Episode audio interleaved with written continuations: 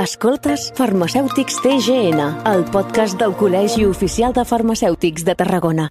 Benvinguts i benvingudes a Farmacèutics TGN, l'espai, el podcast de Ràdio Ciutat de Tarragona amb el Col·legi Oficial de Farmacèutics d'aquí de, de Tarragona, on ja sabeu doncs, que anem descobrint diversos, diverses temàtiques que són d'interès ciutadana, una forma també de conèixer doncs, el dia a dia del col·legi, dels seus professionals i de la proximitat amb el ciutadà.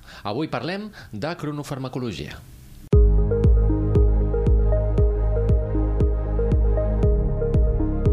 Cronofarmacologia és el tema que avui eh, doncs, parlem aquí a Farmacèutics a TGN i volem doncs, conèixer de què es tracta i més detalls amb la nostra convidada. Ella és la senyora Elia Esteve. Molt bones, benvinguda. Hola, bon dia. Membre del Col·legi Oficial de Farmacèutics de Tarragona. Doncs eh, posem-nos en matèria. Què és la cronofarmacologia i quina és la seva relació, el seu eh, lligam amb la ciutadania? Doncs la cronofarmacologia podríem dir que és una de les rames de la farmacologia que estudia l'activitat dels fàrmacs eh, en relació a un ritme biològic i eh, la seva finalitat, la seva aplicació en la terapèutica per establir pues, patrons d'interacció, la seguretat d'aquests fàrmacs, l'eficàcia i lo racional de, dels fàrmacs. Ritmes biològics en tenim molts, com pot ser, per exemple, el cicle sexual femení, cicles cel·lulars, el cicle son-vigília, que normalment amb el que s'estudia és amb aquest, amb el, amb el ritme circadiari. Mm -hmm. Per tant, quina és la relació, com deia, doncs, eh, els fàrmacs amb el nostre dia a dia, amb la nostra, és amb per, la nostra vida? És per saber en quin moment aquest fàrmac pot actuar millor. Mm -hmm. És a dir, per saber quan ens hem de prendre aquest fàrmac. En resum, Exacte. seria això, una cosa ben fàcil, com a vegades quan ens venen a la farmàcia ens diuen m'han donat aquesta nova medicació i quan me l'he de prendre, no? Pues perquè el pacient sàpiga per què quan li diem és al matí té una causa o és a la nit té una, una altra causa. Mhm. -huh. Que normalment a vegades doncs, és després de la, de la, de la, del dinar, no? del menjar del matí, del migdia i de la nit. Bueno, en, en principi no tindria res a veure amb l'alimentació, no sé que fos un, un fàrmac que s'hagués de prendre amb l'estómac ple, sinó en quant a aquest medicament en el nostre organisme podria fer la millor la seva funció. Per exemple, a, a, en el cos, si ens basem en, en el ritme aquest circadiari, que és un, un ritme de, de, de les 20-24 hores, que és el, el ritme de, de, de son despert, doncs llavors també el nostre organisme treballa segons a, a, en aquell moment. Per exemple, hi ha, hi ha fàrmacs que actuarien millor a la nit mentre estem descansant o n'hi ha que actuen millor al, al matí, depenent de, de quin tipus de fàrmac. Mm -hmm. Perquè en el cas del, del, del menjar doncs, també influeix, no? igual que el beure o, o altres hàbits. Sí. Quin tipus de persones són les que doncs, es veuen més afectades o poden patir més? Uh, doncs, per exemple, gent que, que, que pren més d'una medicació, llavors saber exactament quan, quan se l'ha de prendre li pugui fer mm, més efecte. Per exemple, posem un exemple concret. Una persona que ens vingués que pren un medicament pel, pel colesterol, que normalment són unes estatines, doncs li indicaríem que aquest medicament, perquè li fes l'efecte desitjat, se l'hauria de prendre, per exemple, al vespre, a la nit, perquè la raó és que el colesterol, el nostre cos el fabrica a la nit entre les 10 de la nit i les 2 de la matinada és quan el nostre cos fabrica més el colesterol. Llavors, si ens prenem aquest medicament en aquelles hores, eh, ens serà més efectiu.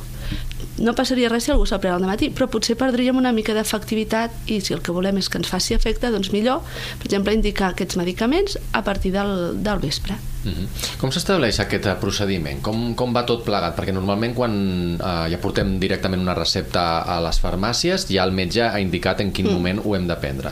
No sé si és més indicat quan s'adquireix un, fa, un, un fàrmac de, de forma voluntària sense recepta o com, com, com va no, tot plegat? sempre nosaltres el que fem quan ens venen amb, amb la recepta, amb el pla de medicació, mirem si és una medicació nova, li preguntem al, a, al pacient si el metge li ha explicat com se l'ha de prendre, si li ha explicat i està correcte, li fem el recordatori perquè ell sàpiga com s'ho ha de prendre i si pel que sigui, doncs, eh, com que portava diferents medicacions, algunes sí que li ha donat més informació i en altres no, llavors és quan nosaltres li, li informem.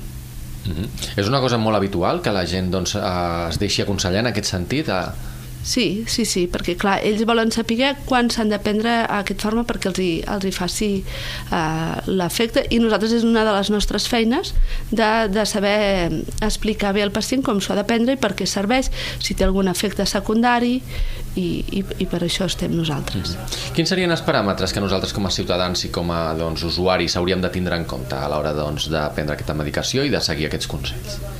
Doncs sempre saber el medicament que estem prenent per què serveix i llavors eh, o preguntar o consultar al farmacèutic o al metge o també eh, es pot llegir el, al, al, al prospecte.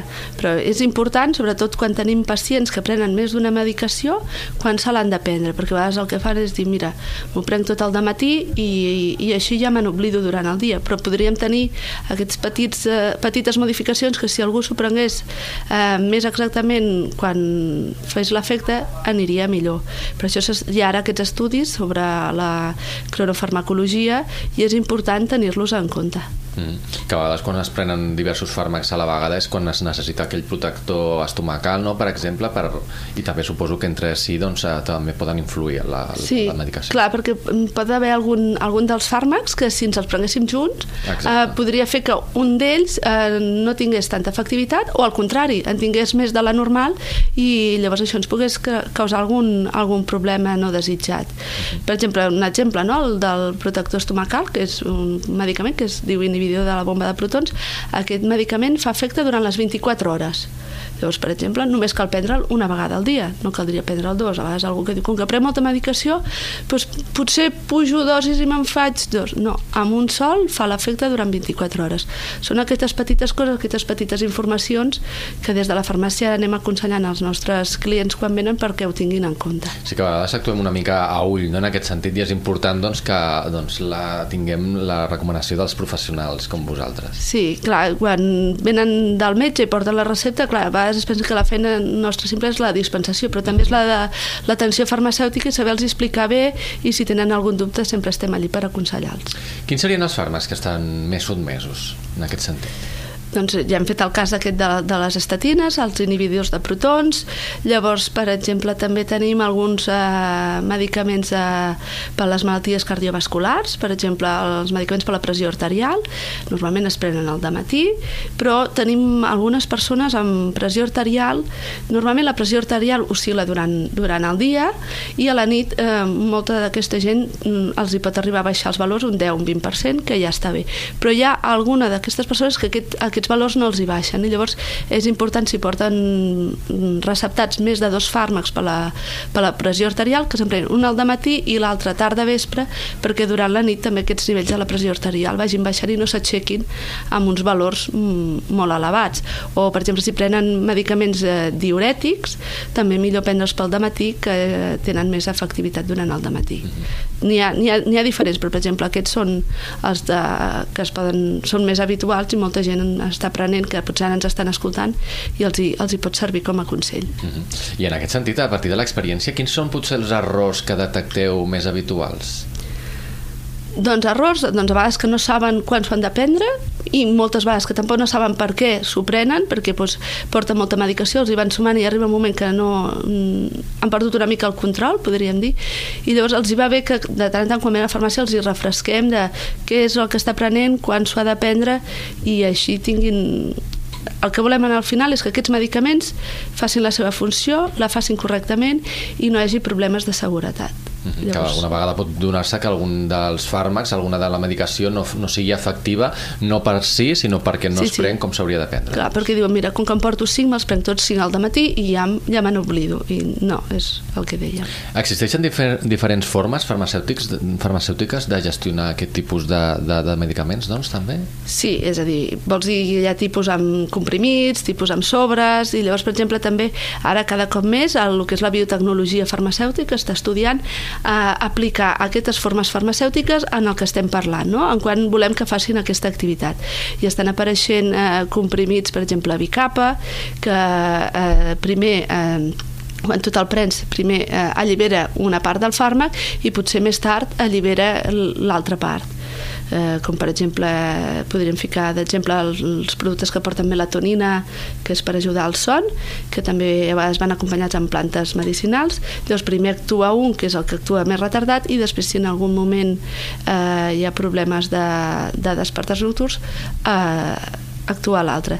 Per això hi ha diferents formes farmacèutiques depenent de com volem que actuïn en, en el cos. Mhm. -huh. I suposo que també segons el tipus de persona és com s'adquireix, si és en càpsules, si és en sobres, si és en... Sí, això sempre sí. Si ja ve prescrit el metge ja, ja, ho, ja ho ha decidit i, i, i després també depèn de, del fàrmac, si es pot, pot haver aquestes diferents formes. Tot això és de, depenent dels estudis que s'han fet quan es fabriquen aquests medicaments el, el que s'alliberi més ràpid i més, i més efectiu. Informatiu. Mm -hmm. Doncs ja per acabar, a quin consell podríem donar moda de resum als nostres oients seguidors? Doncs que tinguin en compte quan els hi pauten una medicació o adquireixen una medicació per què serveix i com se l'han de prendre. I si no ho saben, sempre que, que preguntin sempre és molt important doncs, aprofitar que tenim aquesta proximitat amb els professionals de, de les oficines de farmàcia doncs, per a totes aquelles consultes, totes aquelles dubtes que puguem tindre, resoldre-les amb, amb ells. Doncs eh, Eli Esteve, membre del Col·legi Oficial de Farmacèutics de, de Tarragona, gràcies per haver-nos acompanyat en donar-nos eh, detalls d'aquesta cronofarmacologia, segurament un concepte desconegut però que ara doncs, coneixem molt bé i doncs, que tota la gent que ens segueix doncs, pugui aprofitar aquests consells i aquestes pautes. Moltes gràcies. Moltes gràcies a vosaltres. A vosaltres gràcies una vegada més per la vostra atenció aquí a Farmacèutics Teja en l'espai radiofònic, aquest podcast del Col·legi Oficial de Farmacèutics de Tarragona, aquí a Ràdio Ciutat de Tarragona. Fins la propera.